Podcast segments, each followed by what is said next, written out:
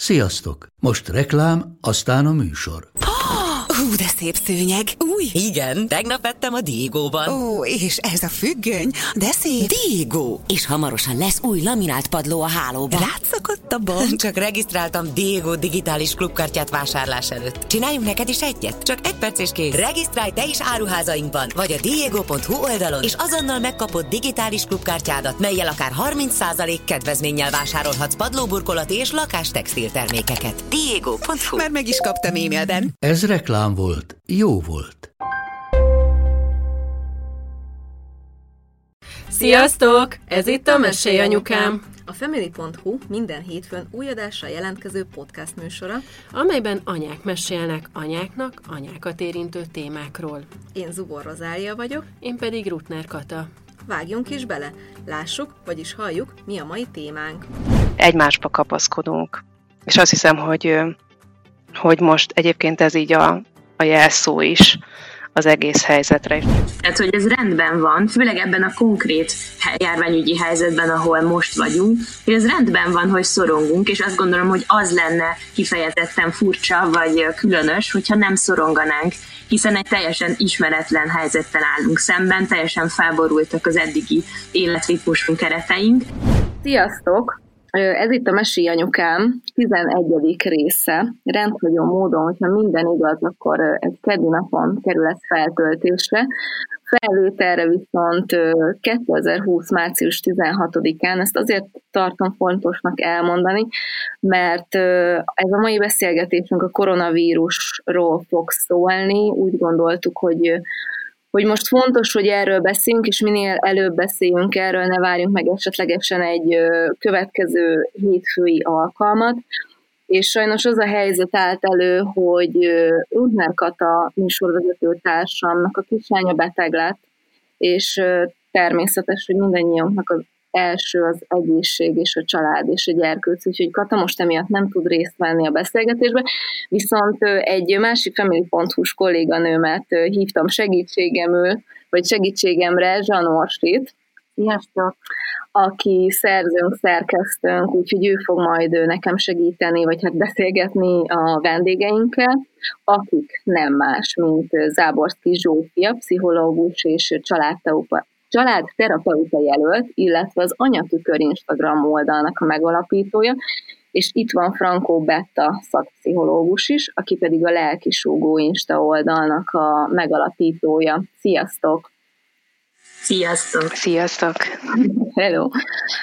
Azt még egyébként nagyon-nagyon fontos elmondani, hogy hogy az egész koronavírus helyzet miatt úgy döntöttünk, hogy totálisan online és digitálisan vesztük fel ezt a beszélgetést, tehát jelen pillanatban négyen vagyunk három helyszínen, emiatt valószínűleg a hangminőség se olyan, mint amilyet tőlünk megszokhattatok, emiatt most ne haragudjatok, de szerintem sokkal fontosabb, hogy beszéljünk erről, hogy, hogy tudjátok, hogy itt vagyunk nektek, és hogy beszéljünk erről a nagyon fontos témáról, ami a koronavírusnak a lelki oldala. És azért kettő pszichológust hívtunk erre a beszélgetésre, mert, mert szerettünk volna, hogyha az anyakkáknak a lelki oldaláról is beszélünk, és a gyerekekről is, hogy most, hogy így belevágunk ebbe igazából. Nekem az lenne az első kérdésem hozzátok, Betta és Zsófi, hogy hogy vagytok? Én elkezdem, akkor Zsófi vagyok, sziasztok! Szia, Zsófi! Nem nagyon rozi, amikor megkerestél ezzel a témával, mert azt gondolom, hogy ez most mindannyiunkban igazából elég sok szorongást vált ki, maga az ismeretlen helyzet. Úgyhogy szerintem erről mindenképp fontos egyszerűen beszélgetni, hogy érezzük és lássuk, hogy nem vagyunk egyedül ezekkel az érzéseinkkel, hiszen ez egy mindannyiunkat érintő helyzet. Én változó, hogy hogy vagyok, Ma éppen nagyon jó hangulatom van, de tegnap például eléggé szorongtam, nem is annyira az egészségügyi helyzet részétől, hanem inkább így azokkal a járulékos válságokkal, akár a gazdasági válságot nézve, ami a mi személyes életünkre jelenleg jobban látható hatással van. Meg hát nyilván egy két éves örökmozgó gyerekkel most egy társasház sokadik emeletére nagyjából bezárva lenni, ez nekem most nem könnyű, de hogy izgulok, vagy hogy egy jófajta izgatottság is van bennem, hogy ez, ez az egész helyzet egy lehetőség is arra, hogy különböző mélyebb értékeinkhez visszataláljunk. Legalábbis én személy szerint úgy érzem, hogy nekem akár még ilyen hozadéka is lehet. de hát nagyon változó, hogy épp a pillanatnyi hangulatom az milyen. Uh-huh. Betta, te hogy vagy? Ez a változáshoz én is abszolút tudok ö, csatlakozni. Hogyha egy szóval kéne jellemezni a mostani állapotot, akkor így azt mondanám, hogy újra tervezés. Újra tervezés, újra tervezés, és azt körülbelül minden, minden órában változik. Ugye nekünk is egy kis totyogónk van, akinek most nehéz megmagyarázni azt, hogy miért nem megyünk a kerekítő foglalkozásokra, miért nem megyünk úgy ki a játszótérre, vagy legalábbis azokat a csoportokat nem látogatjuk, ahova el szoktunk menni. És ugye a férjem is egy olyan munkakörben dolgozik, ahol eléggé föl vagyunk készülve arra, hogy a változásra dolgozunk, ahogy ő mondja, elég jó a változásmenedzsmentünk, de hát így is azért kihívások elé állít minket is a helyzet. Úgyhogy nagyon sokat gondolkodunk egyébként, hogy most akkor mit csináljunk, mi a jó lépés, lemenjünk a vidékre a nagyszülőkhöz, és akkor a karantén lesz-e, nem lesz-e, tehát eh, ahogy jönnek az információk, és ahogy ki kell rostálni, hogy mi az, ami hiteles, meg mi az, ami pánikkeltő, úgy, úgy formálódunk. Egyébként viszont jók vagy, jól vagyunk, tehát egymásba kapaszkodunk. És azt hiszem, hogy, hogy most egyébként ez így a, a jelszó is az egész helyzetre, és azért is örülök annak, hogy, hogy meghívtatok most ide beszélgetni, mert azt gondolom, hogy, hogy minden, most, most minden csatorna, ami azt közvetíti, hogy itt vagyunk egymásnak, nem vagyunk egyedül, az, az rengeteg értéket és támogatást tud adni. Így van, én tökéletesen egyetértek ezzel. Orsin, te hogy vagy? Hát köszönöm szépen, én jól vagyok, de ugyanazok a gondolatok fogalmazottak meg bennem is, mint Bettában, meg Zsófiban, hogy bennem sokszor a bizonytalanság kelti a legnagyobb félelmet, és azt, hogy hogy szűrjem ki azt, hogy mi az álhír, meg mi a, a valódi hír, és hogy melyikhez igazítsam a viselkedésemet, meg hát nyilván anyaként az ember felelős a családjáért, és nem akar felelőtlenséget végrehajtani. Úgyhogy nekem ez a legnagyobb feladat most, hogy így átlássam, hogy mivel tudok a legjobban a családomnak segíteni. Uh-huh. Képzeljétek el, én már egyébként kettő hete otthon vagyok a gyerekeimmel, mert ők is betegek voltak, meg én is beteg voltam, és hát ugye, ugye a múlt hét végén becsatlakozott hozzánk a férjem is, és hogy hiába koronavírus, meg minden ilyen, de hogy nekem a férjem nagyon sokat dolgozik, két munkahelye van, és, és bennem az, hogy így együtt vagyunk, hogy együtt játszunk nagyon sokat, hogy, hogy otthon van, hogy élvezik a gyerekek, hogy otthon van apa is, és anya is, és együtt tudunk lenni. Ez bennem valahogy ebben a borzasztó helyzetben olyan jó érzetet ad, és hogy én például így lehet, hogy túlságosan nem szorongok, vagy nem tudom, hogy van-e ilyen ebbe a helyzetben, hogy de hogy én, én jelen pillanatban nagyon élvezem ezt a mostani kialakult helyzetet magunk körül, nyilván így, hogy, hogy nálunk például nincs senki se nincs fertőzött, nincs beteg, nem kell emiatt aggódni, nyilván más lenne akkor a helyzet, de hogy így én nagyon élvezem ezt a helyzetet, és úgy látom, hogy a gyerekeim is igen, valahogy ez szerintem összekovácsolja a kis mikroközösségeket, meg a Facebookon is lehet látni, hogy egymás segítő kis csoportok jönnek létre. Tehát abszolút pozitív dolgok is kijönnek ebből a borzasztó helyzetből, és a, a család szintjén meg különösen lehet látni, hogy akik nem voltak nagyon sokáig együtt, mert az anyuka is dolgozik, apuka is dolgozik, a gyerekek ugye iskolába vagy óvodába, és most végre van egy kis lehetőség, még hogyha kényszer lehetőség is, hogy többet legyenek együtt. Uh-huh. Ö, egyébként ti szakemberként egy ilyen helyzetben a szorongás ellen így elsődlegesen mit, mit szoktatok javasolni? Hát nekem így, ami, ami így a szorongással kapcsolatosan így először eszembe jut, az, az mindig egy, egy ilyen egyénre szabottság, tehát hogy, hogy mindenkiben más kell szorongást.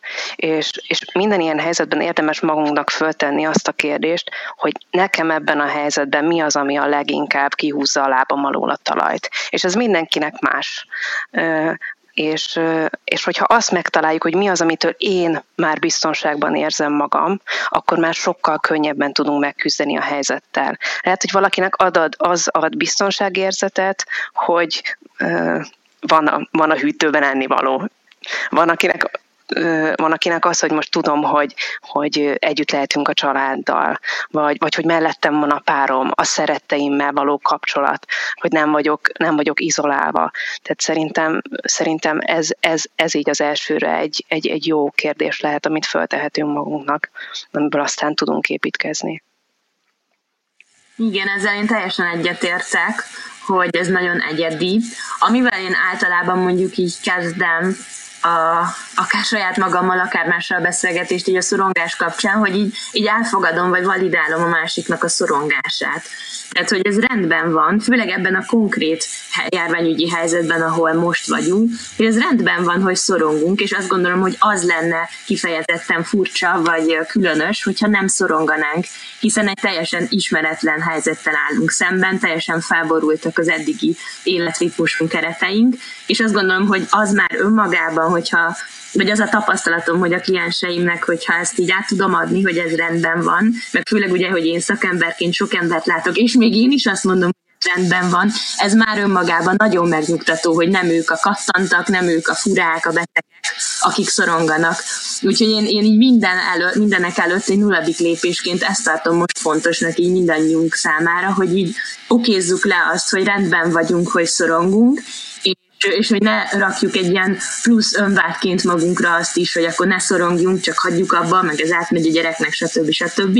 Nyilván nem mindegy, hogy hogyan éljük meg ezt a szorongásunkat, de én nulladik lépésként így rögtön ezt mondanám, hogy fogadjuk el, hogy ez természetesen egy olyan helyzet, ahol rendben van a szorongásunk. És akkor utána jöhet a következő lépés, hogy ezt hogy kezeljük.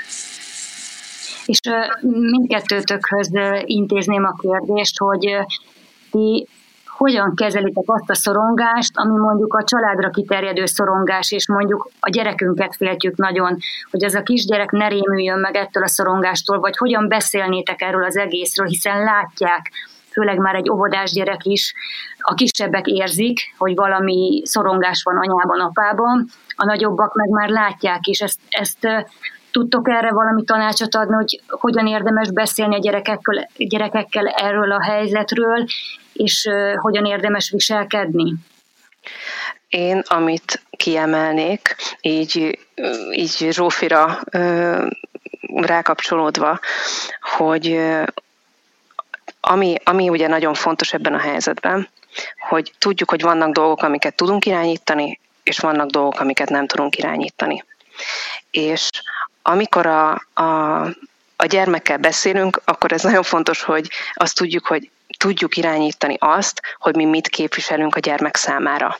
És amikor megpróbáljuk elnyomni az érzéseinket, amit az előbb a Zsófi mondott, akkor az azért nagyon rossz, mert hiába mondom én a gyermekemnek azt, hogy ne félj kicsim, ne sírjál, nyugodjál meg, hogyha ő azt érzi, hogy engem szétfeszít az ideg, akkor akarva, akaratlanul ő is át fogja venni a mi félelmünket. És amikor egy veszteségről beszélünk a, a gyerekkel, mert ez tulajdonképpen, ez tulajdonképpen az a helyzet, ahol a, a, a biztonságérzetünk is elveszhet, a napi rutinunk is elveszhet, akkor én azt mondanám, hogy legyünk türelmesek magunkkal szemben, meg a gyerekkel szemben, illetve amikor a gyereknek az érzéseiről beszéljünk, beszélünk, akkor mindig úgy kezdjük a beszélgetést, hogy magamról beszéljek először. Tehát mind felnőtt én legyek az, aki vezetem a kommunikációt. És ez mindig a gyermek életkorának megfelelően. Tehát elmondhatom neki, hogy engem megrémített kicsém, amikor a hírekben azt hallottam, hogy le fogják zárni az iskolákat. Neked milyen érzés az, hogy most nem kell menned iskolába? Vagy vagy bármi ezek kapcsán tulajdonképpen, hogyha a gyermek azt látja, hogy mi nem merünk róla beszélni, mert mi most nagyon erősek vagyunk, és mi egyébként nem félünk, akkor a gyermek is reflexzően azt fogja mondani, hogy, hogy hát hogy vagyok jól, nincsen semmi bajom. Tehát nekünk kell előbb nyitni, és akkor a gyermekünket már tudjuk segíteni. Mert azzal, hogy ő kifejezi a, az érzéseit, azzal, azzal már, már már segítünk önneké.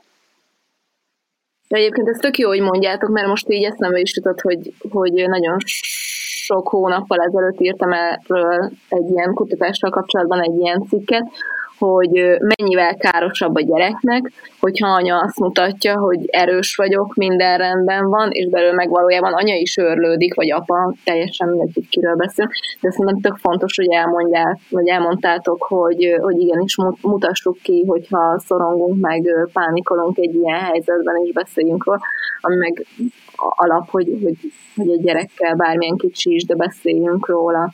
Egyébként nagyon kíváncsi lennék, hogy hogy nektek megugrott most esetleg így a munkafelkérés, többen keresnek meg titeket, mint szülők, hogy beszéljenek a szorongásukról, mint akár a gyerekeikkel? Zsófinának például hogy van ez?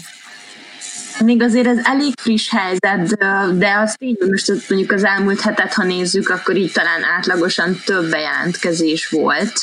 Ugye mondjuk most sokan megjednek az, az hogy ugye offline el kell jönni, vagy lehet ezt Skype-on, mi most, ahol én dolgozok, most állunk át, hogy teljesen már csak online tanácsadást nyújtunk. Mm. Úgyhogy még azért nem mondanék erre statisztikát, mert nyilván is, tehát hogy azért ez nagyon sok összetevős, hogy azért, azért az emberek most nagyon átgondolják, hogy milyen költségeket hogy vállalnak, de például nálunk, nálunk most így ezt is kommunikáljuk az életműhelyben, hogy aki így érintve van ebben a, a vírus helyzetben konkrétan, ott, ott ingyenes tanácsadást is nyújtunk, de próbálunk így a tőlünk telhetőt ebben így megadni, Hát már jelentkezett be pár anyuka kifejezetten ezért, hogy a gyerekével erről hogy kommunikálhat, és akkor ide még így annyit kapcsolódnék abszolút a bettához, hogy én is elsőként azt gondolom, hogy a saját szorongásunkat érdemes kezelni, mert a gyereknek úgy is átmegy. Nyilván egy kisebbnek csak érzés szinten, egy nagyobbnak konkrét szinteken is és hogy erre azt szoktam javasolni, hogy mivel itt most az ismeretlen helyzet, ami a leginkább szorongást okoz a legtöbbünkbe, hogy érdemes arra fókuszálni, hogy mi az, amit viszont tényleg mi tudunk kontrollálni, és hogy akkor abban, ha megtaláljuk a saját biztonságérzetünket, akkor talán könnyebb így ránézni az egész helyzetre.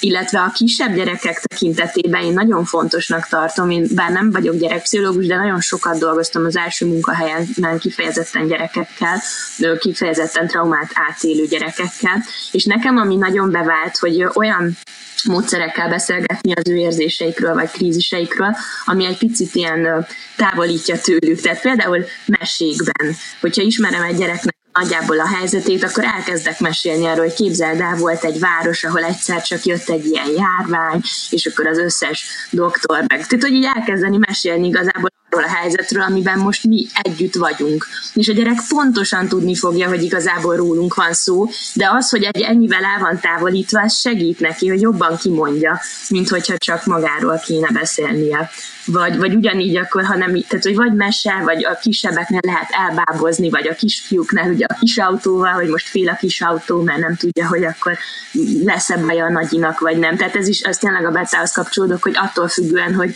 hogy lássuk, hogy a gyerek mitől szorong, vagy hogy kérdezgessük, meséljünk magunkról, és hogy akkor azt gondolom, hogy ha észreveszünk valamit, amin a gyerek szorong, vagy ő ezt valahogy kifejezi, általában a kérdései mögé érdemes nézni. Tehát ha túl sokat kezd el kérdezősködni valamiről, akkor gondolhatjuk azt, hogy azon gondolkozik, és hogy nekem így ez szokott beválni, főleg gondolom az óvodáskorú, vagy a vagy akár kisiskoláskorú gyerekeknél, hogy valamilyen ö, alternatív módon mesékkel, bábokkal, az ő játékaival meséljük el az adott helyzetet, hogy akkor ki hogy érzi magát, és mit lehet ezzel tenni. És azt, azt látom, hogy ezek, ezek nagyon megnyugtatóan hatnak rájuk. És egyébként a Betta már érintette a napi rutinnak a, a, a kérdését, hogy ilyenkor, egy ilyen helyzetben, amikor nem járhatnak óvodába, nem járnak a gyerekek iskolába, segít átvészelni a gyerekeknek is lelkileg is azt, ezt a helyzetet, hogy egy napi rutint alakítunk ki? Én, én azt gondolom, hogy abszolút segíthet, viszont arra is mindenféleképpen gondolnunk kell, hogy ez az egész helyzet most a rugalmasságunknak a próbája. Tehát, hogyha kialakítunk is egy, egy napi tervet, akkor, akkor most azt tartsuk mindenféleképpen észben, hogy minden változhat, minden alakulhat, és lehet, hogy nem tudjuk pont betartani azt, amit elterveztünk. Tehát érdemes egy olyan struktúrát kialakítani, ami ad olyan szabadságot, hogy abban tényleg kényelmesen tudjunk mozogni. És ugye ez annak is a függvénye, hogy éppen ki tudunk bevonni, éppen ki az, aki tud segíteni. És érdemes amennyire csak lehet megmozgósítani a, a kapcsolati hálónkat és az erőforrásainkat, hogy lehet, hogy most a szomszédnéni fog tudni vigyázni a gyerekre, lehet, hogy most a papáék, lehet, hogy most mm, apa lesz itthon, mert tehát így éppen, éppen úgy alakulnak a helyzetek, tehát hogy a gyermek is föl legyen készülve arra, hogy ez most nem feltétlen a, a sziklaszilárd rendszernek lesz a, a terepe. De hogyha érzi rajtunk azt, hogy mi nyugodtak vagyunk, és mi meg tudjuk vetni a lábunkat ebben a változásban, akkor az sokkal fontosabb, mint egy külső stabilitás, én azt gondolom. Tehát itt nagyon nagy a, a szülőknek a felelőssége ebben a helyzetben. Abszolút egyetértek, talán a, a, annyit tennék hozzá, bocsánat még itt, hogyha szabadba vágtam, hogy, hogy talán iskolás gyerekeknél gondolom, hogy ugye ott ott maga az online oktatás, vagy ez a digitális oktatás, ami még nem teljesen állt át, ugye ez most indul. Látom például egy gimnazista hugom, és látom rajtuk is, hogy ott mondjuk fontosnak tartom, hogy már az elejétől, hogy ne essenek ki teljesen a ritmusból, például ott, ott egy ilyen, legalább egy délelőttre egy nagyjából ritmus bevezetni, hogy akkor ők mikor olvasnak utána az tananyagnak, stb. Tehát, hogy mondjuk ezt az iskolásoknál talán egy fokkal fontosabbnak tartom, de az óvodás korúaknál, vagy még kisebbeknél teljesen egyetértek azzal, hogy, hogy, hogy inkább a szülő nyugodtsága és a, a, a rugalmasság elfogadása, ami fontos. Orsi, te hogy beszéltél a lányod, mert az Orsiról tudni kell, hogy neki nagyobb lánya van, 11, 12 éves már a. Te hogy beszéltél? Ő hozta szóba, vagy te kezdeményezted? Hát én akkor kezdtem el vele intenzívebben beszélni erről a témáról, amikor rémhírekkel tért haza, hogy leáll az élet, a világ megszűnik, mindenki megbetegszik, meg fogunk halni, és akkor nagyon sokat olvastam már előtte is a, magáról a vírusról, meg hogy más országokban hogyan zajlik, hogyan zajlottak az események, és elmondtam neki, hogy van most ez a veszély, a koronavírus, ami hasonló járvány, mint ami influenza szezon idején szokott lenni. Ez az idősekre van nagyon, az idősekre nagyon veszélyes, a fiatalabbakra annyira nem. Tehát a tényeket próbáltam mhm. felsorolni neki, illetve próbáltam vele arról beszélni, hogy mik azok az óvintézkedések, amiket ő is meg tud tenni. Azért a családtagjai ne kapják el, hogy ő ne kapja el, és amivel a nagyszüleit is védeni tudja. És akkor ez úgy megnyugvással töltött el, hogy nem került ki teljesen a mi kezünkből a, a kormánykerék, nem szágult az autónk egy betonfalnak, hanem igenis van megoldás, és azt is mondtam neki, hogy ez nem jelenti a világ végét, mert volt már ilyen, de össze kell fogni, figyelni kell egymásra, be kell tartani azokat a szabályokat, amik, amiket egyébként is be kellene, ilyen higiénés szabályokat.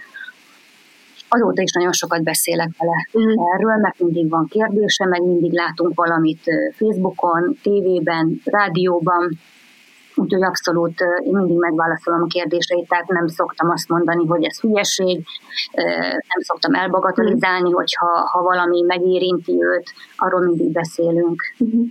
Én egyébként szerintem ezzel a korosztályjal lehet a legnehezebb, akik egymást hergelik, meg ijesztegetik, mint mondjuk az én öt éves kisfiam, akinek, amikor mondtam reggel, hogy hát most kisfiam valószínűleg nagyon sokáig nem fogsz tudni óvodába menni, és ő erre azt mondta, hogy hurrá.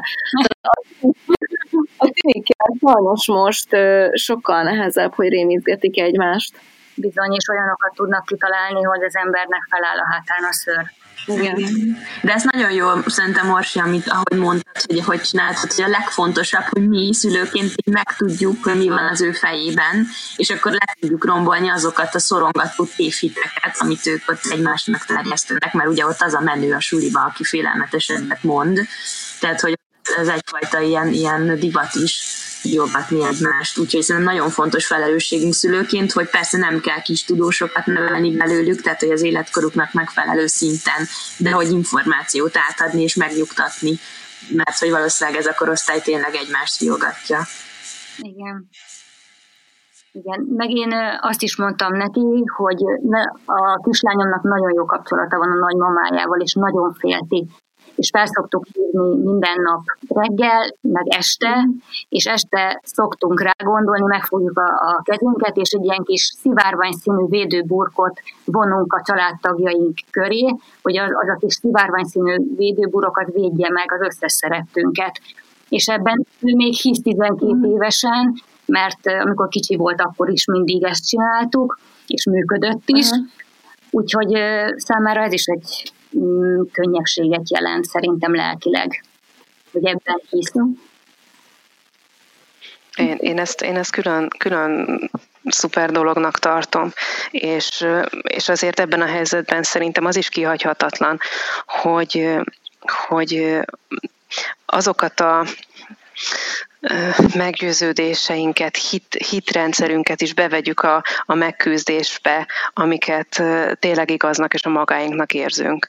És hogyha, hogyha ez a, a gondviselés, vagy a Jóisten, vagy az univerzum, vagy, vagy bármi más, akkor abban most kapaszkodhatunk.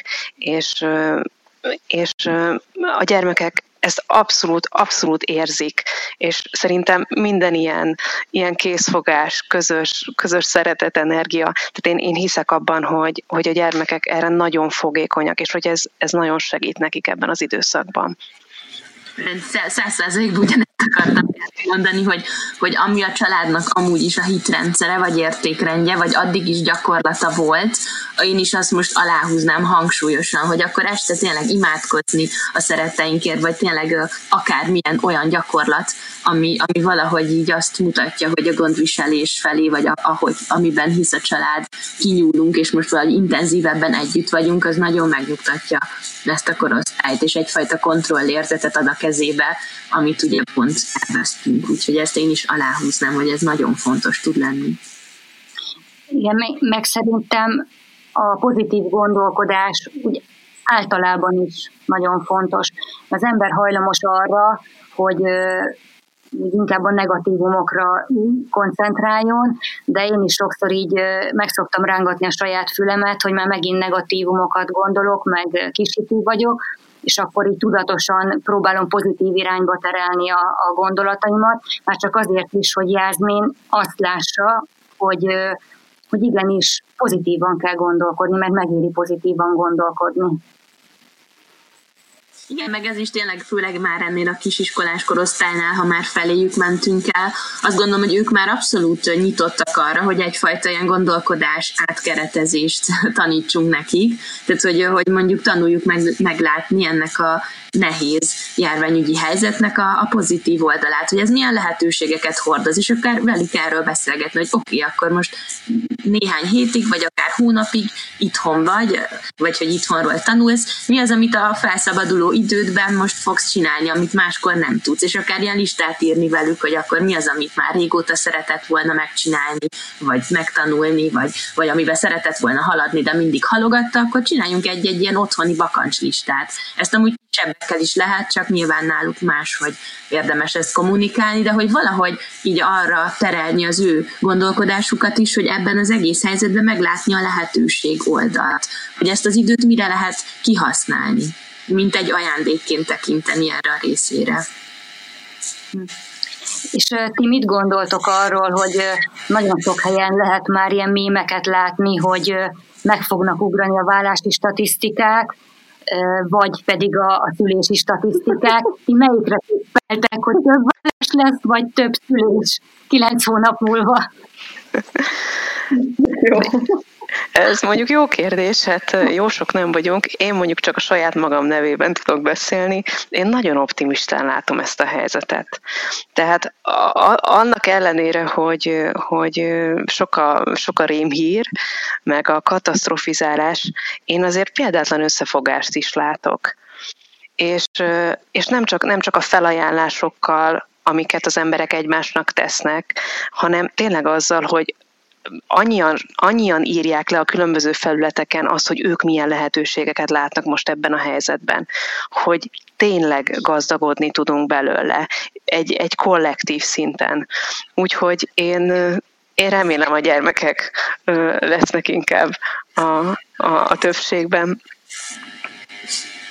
Remélem én is ezt remélem, ettől függetlenül azért a realitásban a másik oldal is igaz. Tehát úgy tudom amúgy, hogy Kínában ö, már meg is ugrottak a vállási tehát ez konkrétan ez már statisztika, amit nem csak egy ilyen, hogy mondjam, nem egy bulvárlap oldalán olvastam, hanem egy, egy rendes statisztikai oldalon, hogy, hogy Kínában most ebben a hónapban sokkal több vállókeresetet adtak be, mint az előző fél évben, a hónapi átlagra letekint. Úgyhogy azt gondolom, hogy az a realitás, hogy egyszerűen amikor össze vagyunk zárva, és ráadásul van egy közös szorongató helyzet, akkor valóban a konfliktusok száma is megnőhet. Ezt mondom úgy, hogy én is azért pozitív vagyok, meg abszolút látom a, a, a, a Facebook oldalok, vagy Facebook csoportokban is a számtalan felajánlást. Tehát nem, nem akarok itt a rossz zsaru lenni, csak azt gondolom, realitáshoz hozzátartozik ez is, hogy, hogy erre készüljünk. És azért is fontos ezt kimondani, mert ha valaki most úgy hallgatja ezt a, podcastot, hogy,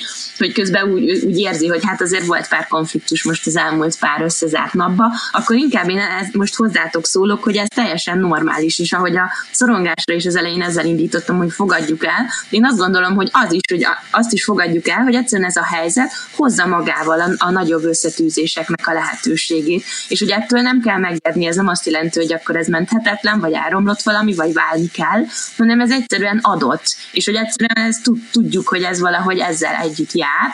Ettől függetlenül utána lehetőségünk van arra, hogy ezeket a feszültségeket, vagy konfliktusokat megoldjuk. Az is lehet, hogy egy sokkal mélyebb szinten újra rendeződik a kapcsolatunk. Lehet, hogy feljön egy csomó olyan konfliktus, amit eddig mondjuk az elmúlt éveknek a forgatagába, vagy a ritmusában egyszerűen elnyomtunk, és nem jött elő, de ugyanúgy mondjuk távolított egymástól, months. Akár tudattalanul, lehet, hogy ez most egy, egyfajta lehetőség is, hogy bár kellemetlen, hogy ezek följönnek, mert többet ütközünk, vagy egyszerűen többet találkozunk, de lehetőség arra, hogy ezeket megoldjuk, hogy végre megbeszéljük, lehet, hogy kiderül, hogy tökre félreértünk egymásból valamit, vagy csak nem értjük egymást, és én azt gondolom, hogy ha konfliktusok száma akár saját életünkben is növekszik, erre is ugyanúgy tekinthetünk egyfajta lehetőségként, hogy ez nem azt jelenti, hogy ez, ez válláshoz kell, hogy vezessen, hanem lehet, hogy azt jelenti, hogy egy sokkal boldogabb és kiteljesedett összetettebb kapcsolathoz vezet.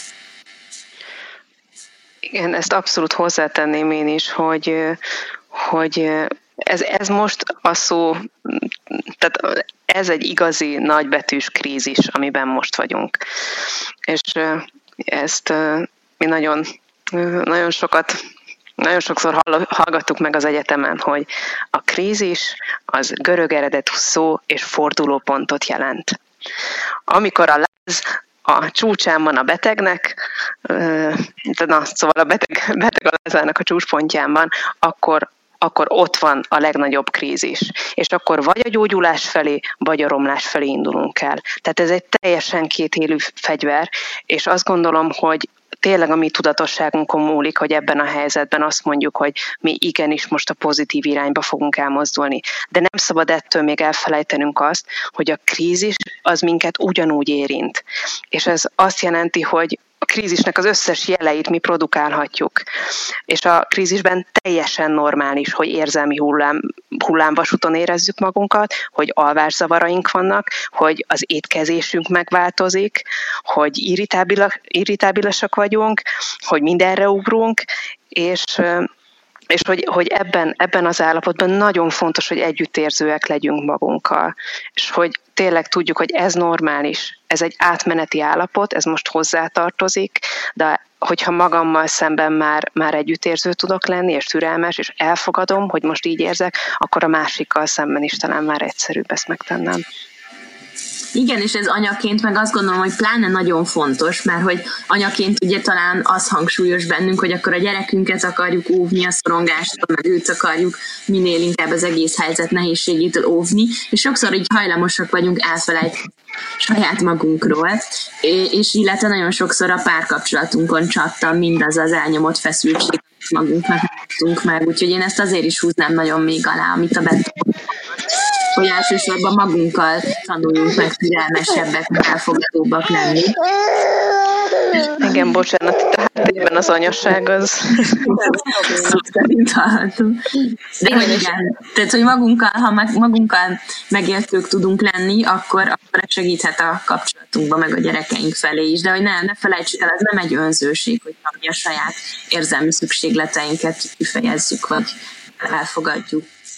Igen, és tök hogy belejött így a párkapcsolati beszélgetés, vagyis a párkapcsolati dolgok egy ilyen helyzet idején, de például nekem eszembe jutott az, és hogy, hogy osztok meg egy ilyen mm, személyes dolgot, hogy, hogy nekem például az a sok jó mellett egy ilyen nagyon nagy szorongást old, vagy szorongást okoz az, hogy például nekem csütörtökön lesz édesanyámnak a temetése, és tudom, hogy a nagymamámnak, a 78 éves nagymamámnak iszonyatosan nagy szüksége lenne most rám, és nem tudom, naponta kétszer beszélünk telefonon, de hogy így most az ő érdekében muszáj vagyok azt mondani, hogy hívjál föl, ha kell két óránként, de hogy nem merek egyszerűen bele találkozni, nem merem a gyerekeket odavinni, nyilván a temetés meg lesz tartva, de hogy, hogy nem szabad elfelejteni az egészben, hogy nem csak anyának, meg nem csak a gyereknek nehéz ez, hanem az időseknek, akikre szerintem most kiemelten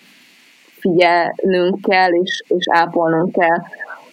Ha online, ha telefonon keresztül, de az ő lelki világokat is hiszen meg ők azok, akik elszigetelődhetnek most ebben a szituációban, tehát szerintem duplán oda kell figyelni rájuk. Igen, abszolút. Meg hát igen, még ide annyi, hogy, hogy a családon belül is lehet teljesen eltérő véleményünk erről a helyzetről. Nekünk például pont tegnap volt egy mini konfliktusunk, hogy egyszer magát a járványügyi helyzetet máshogy látjuk, és hogy akkor e- ezek is olyanok, amik most nem, nem arról szólnak, hogy én nem szeretlek téged, vagy te nem engem, hanem egyszerűen máshogy gondolkodunk, és hogy ebben egyszerűen a krízis helyzet nagyobb szorongást okoz, és hogy ebben türelmesnek lenni egymáshoz, nem megijedni attól, hogyha nem minden százszázalékosan úgy gondolunk, beszélgetni, idős, tehát hogy ez nem feltétlen csak a párkapcsolatban, hanem abszolút, amit mondtál, Rózi meg Orsi, hogy a, a szülők, nagyszülőkkel tényleg türelmesen végighallgatni, nekem is a nagymamám nagyon-nagyon körülményesen és sokat tud beszélni, de hogy nem, igen, tehát nem, nem könnyű, hogyha felhívod, akkor biztos, hogy a következő időd az, az arra rá fog menni, és, és hogy most ebben egyszerűen muszáj türelmesebbnek lennünk, hogy tényleg viszont, ha meg nem hívom fel, akkor neki nincsen más kapcsolódási felülete jelenleg, úgyhogy ezzel, ezzel nagyon egyetértek, és együtt érzek, és hogy ebben egyszerűen most erősebbnek kell lennünk, ez, ez egy ilyen szakasz. Igen, ugyanakkor meg nehéz, mert az idősebbeken én azt veszem észre, akár a saját szüleimen is, hogy nem reális veszélyként tekintenek erre a vírusra. Tehát édesapám is azt mondta, hogy ő vasból van, ő rajta nem fog a vírus, úgyhogy jobbra-balra megy, és hiába mondom neki, hogy de azért legyen óvatos, meg, meg nem menjen közösségbe, meg nem most fogjon kezet mindenkivel, egyszerűen nem érti, hogy, hogy ezt miért mondom neki.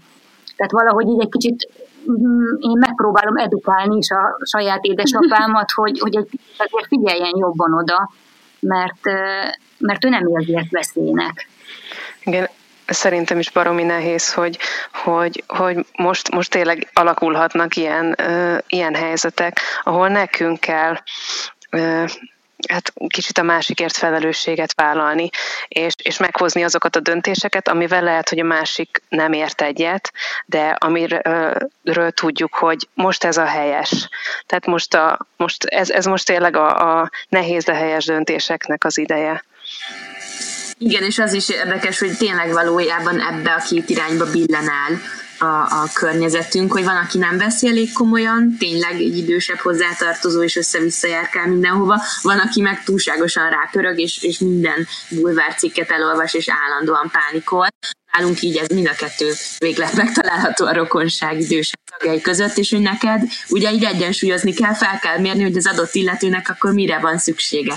Volt olyan, olyan nagynéném, akit inkább arra bátorítottam, hogy maradjon otthon, és inkább arról beszélgettünk, hogy az a villamos, amivel ő menne, az mennyire teli van mindenféle külföldi, stb Tehát neki erről kellett így, így vagy e felé volt érdemes elterelni a gondolatait egy másik rokonomnak, meg pont inkább a felé, hogy azért attól, hogy kimegy egy picit a levegőzni, és nem megy tömött helyre, attól még lehet, hogy nem, nem ugrik rá rögtön az összes vírus. Tehát hogy mondjam, hogy, hogy ebben is így nekünk talán így mérlegelni kell, meg figyelni, hogy kinek mire van szüksége, hogy melyik irányba bátorítsuk. Igen. Nektek egyébként, bár tudom, hogy még csak pár nap telt el így a, a, a szigorúbb szankciók, meg változások bevezetésével, de nagyon kíváncsi vagyok, hogy nektek mennyire változott, illetve hogy látjátok, hogy mennyire fog változni a, a ti életetek, a szűk családi életetek, a munkátok, és mennyire nehéz alkalmazkodni ehhez, ezekhez az új dolgokhoz. Hát mondjuk az, az én életünkben, vagy, vagy, vagyis a mi, mi életünkben most más frontokon is nagy változások vannak, tehát koronavírustól függetlenül is tényleg a feje tetejére állt, állt a mi életünk. Úgyhogy mi, mi nagyon érezzük a hatását, és, és a koronavírus így, így fel is gyorsította a döntéseinket.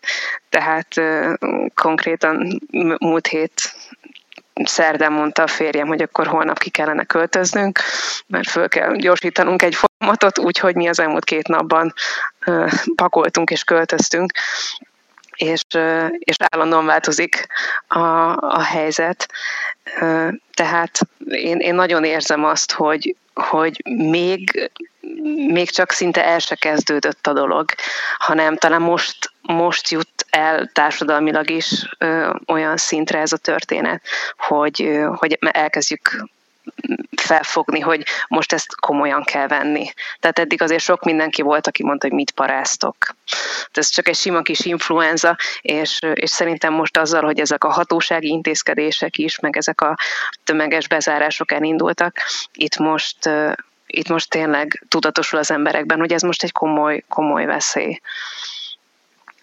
Úgyhogy hát kíváncsi vagyok, hogy, hogy, hogy mi hogyan fog alakulni.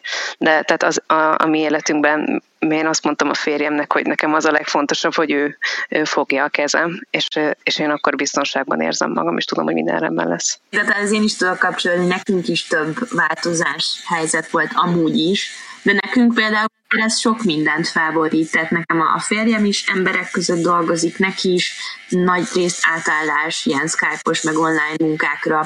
Én is ugye a, a, az munkám egy része azért abszolút a személyes konzultációkból állt, nekem is ez átállás, a, a kisfiunk nem tud járni ugye most családi napközibe, azért az, nekem az a három délelőtt ilyen nagyon fontos pontjai voltak a heteknek, akkor azt megoldani, hogy a, tehát hogy nekünk ez most egy nagy változás, én még ezt nem is látom teljesen át őszintén, racionálisan, hogy hogy oldjuk meg. Nem lesz könnyű, sok mindent kell mérlegelni, újra tervezni, me- megosztani. Mi is amúgy egy költözési folyamatban vagyunk, de mi ennél még kevésbé előre haladottan, és emiatt én most szidom is az agyam, hogy miért nem költöztünk már hamarabb, sokkal könnyebb lenne ezt a helyzetet, kiebb akarunk költözni a városból, és tehát nyilván sokkal könnyebb lenne nem egy, nem egy belvárosi társasházban átélni, úgyhogy, úgyhogy ez nem könnyű, nekünk sok változást hoz, és nem tudom őszintén még mindenre a választ, benne vagyunk, folyamatosan újra tervezünk, és próbálok figyelni magamra is, meg egymásra, mindannyiunkra, hogy hogy, hogy lesz ez majd nekünk együtt jó. Kisfiam egyelőre élvezi, hogy többet van. meglátjuk, meglátjuk.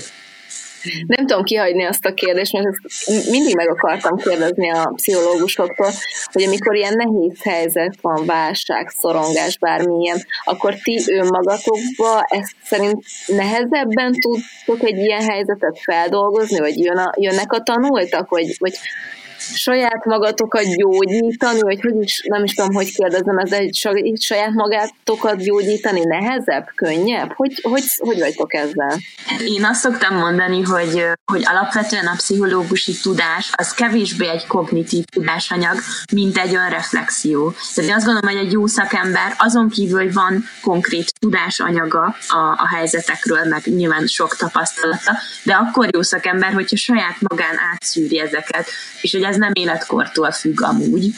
Úgyhogy én azt gondolom, hogy a pszichológusság önmagában jó esetben egyfajta önreflektív működést hordoz, hogy én, az, én alapból azt szoktam mondani, hogy mint, úgy képzeljék el ezt, hogy mint hogyha egy, ezzel egy, az egyetem, meg az egész szakmám, a tapasztalataim, amiken már átmentem, az olyan, mint hogyha egy, szem, egy szemüveg lenne rajtam, vagy kontaktlencse, amit nem tudok tudatosan levenni, vagy hogy mondjam. Tehát, hogy, hogy ez nekem a, a hétköznapjaimban bele van épülve, és, és ez nem azt jelenti, hogy engem nem érintenek ezek a helyzetek, tehát teljesen normális emberek vagyunk mi is, és ugyanúgy reagálunk, de hogy talán van egy egyfajta ilyen olyan önreflektív működésem, amit, amit egyszerűen ez a szakma segített, hogy kialakuljon, vagy fordítva lehet, hogy amúgy is jellemzőbb volt ránk, és azért mentünk ebbe a szakmába, hogy ezt ki tudja, hogy ezeket így először magunkon szűrjük át.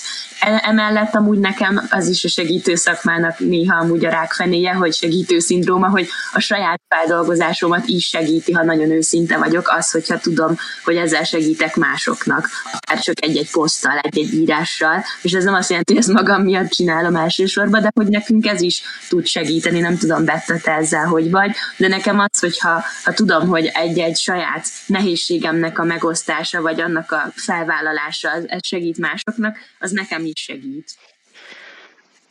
Igen, szerintem ez, ez szuperül megfogalmaztad. Ugye, amikor én megkapom ezt a kérdést, én, én ugye mindig ezt a példát szoktam mondani, hogy amikor van egy, van egy krízis helyzet, és mondjuk egy, egy páciens meséli el a, a krízis helyzetét, vagy akár kívülről van.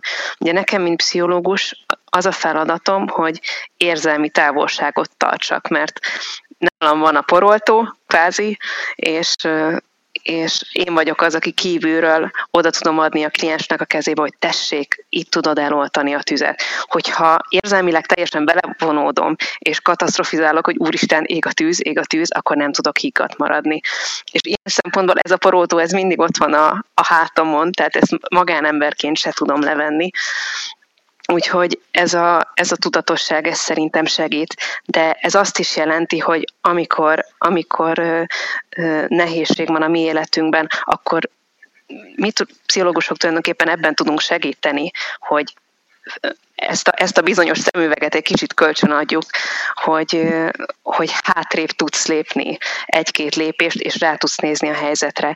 És most ebben az egész krízis szituációban, ami, amiben benne vagyunk, ebben is mindenki saját maga egy kicsit, kicsit hátrébb tekinthet, és, és, és kívülről rátekinthet a helyzetére, és akkor már sokkal több mindent láthat, mint abban a beszűkült félelmi állapotban, ami, ami csak azt látja, hogy úristen, most valami baj történik, és akkor meg tudjuk látni a lehetőségeinket, meg az erőforrásainkat. Hogy nagyon fontos, hogy legyen egy olyan reflexiónk, hogyha a kliensnek egy olyan krízise vagy problémaköre van, ami az én életemben is jelenleg amúgy krízis, akkor ez nem biztos, hogy bölcs elvállalni, pont ezért, amit a Betta mondott, hogy akkor túlzottan bevonódok.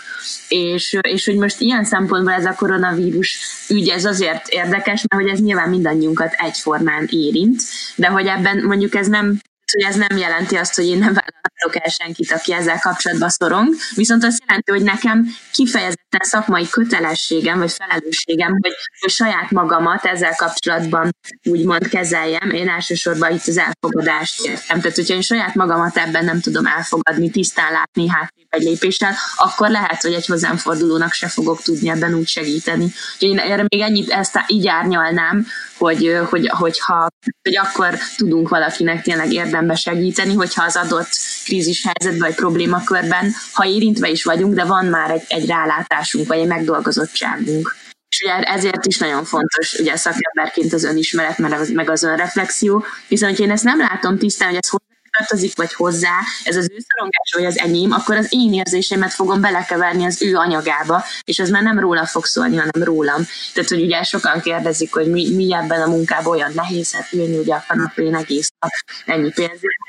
Ez, hogy olyan szinten magunkkal dolgozunk, amit nem lehet lezárni. Tehát, hogy na, ez, ez nagyon komoly, meg nehéz munka, és hogy nagyon fontos ez a fajta reflexió, hogy pontosan tudjam, hogy mi az, ami az én részem, mi az, ami az övé, és pontosan igazából ezért felelősségem a saját részemet tartani, és itt a rend alatt nem, tényleg nem azt értem, hogy minden érzésem csak pozitív, hanem hogy az összes nehéz érzésemet is adjak neki teret, és lássam tisztán háttébről, meg elfogadjam. Még talán ezzel gondolatnak itt nagyon fontosnak tartottam. Nekünk is ugyanúgy vannak jó érzéseink, meg rossz érzéseink, csak alapvetően már ez se szerencsés, hogy címkézzük őket. Tehát mi, mi megtanuljuk azt, hogy igen, haragszom, haragszom, és ez normális. Félek most, megijedek, és ez normális. De, de nem, nem arra törekszünk, hogy elnyomjuk a, a rossz érzéseinket, hanem hogy, hogy azokat át, átformáljuk. És van egy, van egy mantra, amit mm, én, én szeretek használni az én életemben is, meg a klienseimnek is segít, úgyhogy megosztom veletek, mert, mert talán másnak is, másnak is hasznos. Ami úgy hangzik, hogy bár félek attól, hogy tudom azt, hogy. Tehát, hogy bár félek attól, hogy mi történik most ebben a helyzetben, tudom azt, hogy, és akkor ide mindenki tetszőlegesen behelyettesítheti azt, a, azt, a, azt az erőmondatot, amit tényleg igaznak és hitelesnek érez. És ez az, amit az előbb mondtam, hogy lehet, hogy ez, ez valakinek az, hogy bár tudom, hogy a, a gondviselésnek a kezében vagyunk, vagy bár tudom, hogy ketten együtt, hárman együtt, akárhányan vagyunk együtt, mindent át tudunk vészelni, és ebben, ebben a ebben a mantrában, ebben a mondatban így, így nagyon sok erő rejlik. Tök jó. Nagyon szépen köszönöm, szerintem tök jó záró mondat is. Ö, szorongjunk, akkor bátran, beszéljünk a gyerekeinkkel, beszéljünk a párunkkal, a családdal, beszéljük ki magunkból az érzéseinket, és, és hallgassatok mesélyanyukámat, hogy legalább ezt az adást ez számítva legalább egy órát egy kicsit ne a koronavírussal foglalkozzunk. Csatlakozzatok hozzánk a Facebookon is zárt csoportunkba, illetve elindult a family.hu-nak a Home Office gyerekkel nevű csoportja, amit iszonyatosan ajánlok mindenkinek, mert a főzéstől kezdve mindenféle praktikus, hogyan kössük le a gyerekeket, mindenféle tippet osztanak meg egymásra az anyukák, és hát nagyon szépen köszönöm a vendégeknek és Ortinak is a beszélgetést, és hétfőn egy hét múlva folytatjuk, és kitartás, jó egészséget mindenkinek, és maradjatok otthon. Sziasztok! Sziasztok! Sziasztok! Köszönjük mai vendégeinknek is, hogy igent mondtak a meghívásunkra, eljöttek és őszintén meséltek nekünk. Reméljük, hogy ti is annyira élveztétek ezt a beszélgetést, mint mi, és kaptatok néhány jó tanácsot, esetleg hasznos útravalót életünk egyik legnehezebb, de egyben legcsodálatosabb és garantáltan legemlékezetesebb utazására, amelyet anyaságnak hívunk. Ne feledjétek, ha kérdésetek vagy kommentetek lenne a műsorral vagy a témánkkal kapcsolatban, írjatok nekünk a mesélyanyukámkukacfamily.hu e-mail címre. Ha pedig tetszik, amit csinálunk, kérjük értékeljétek vagy osszátok meg, meséljétek el más anyukáknak is, hogy minden hétfőn új témával, új vendégekkel, új anyukákkal jövünk, és folytatódik a Mesélyanyukám. Találkozunk egy hét múlva! Sziasztok!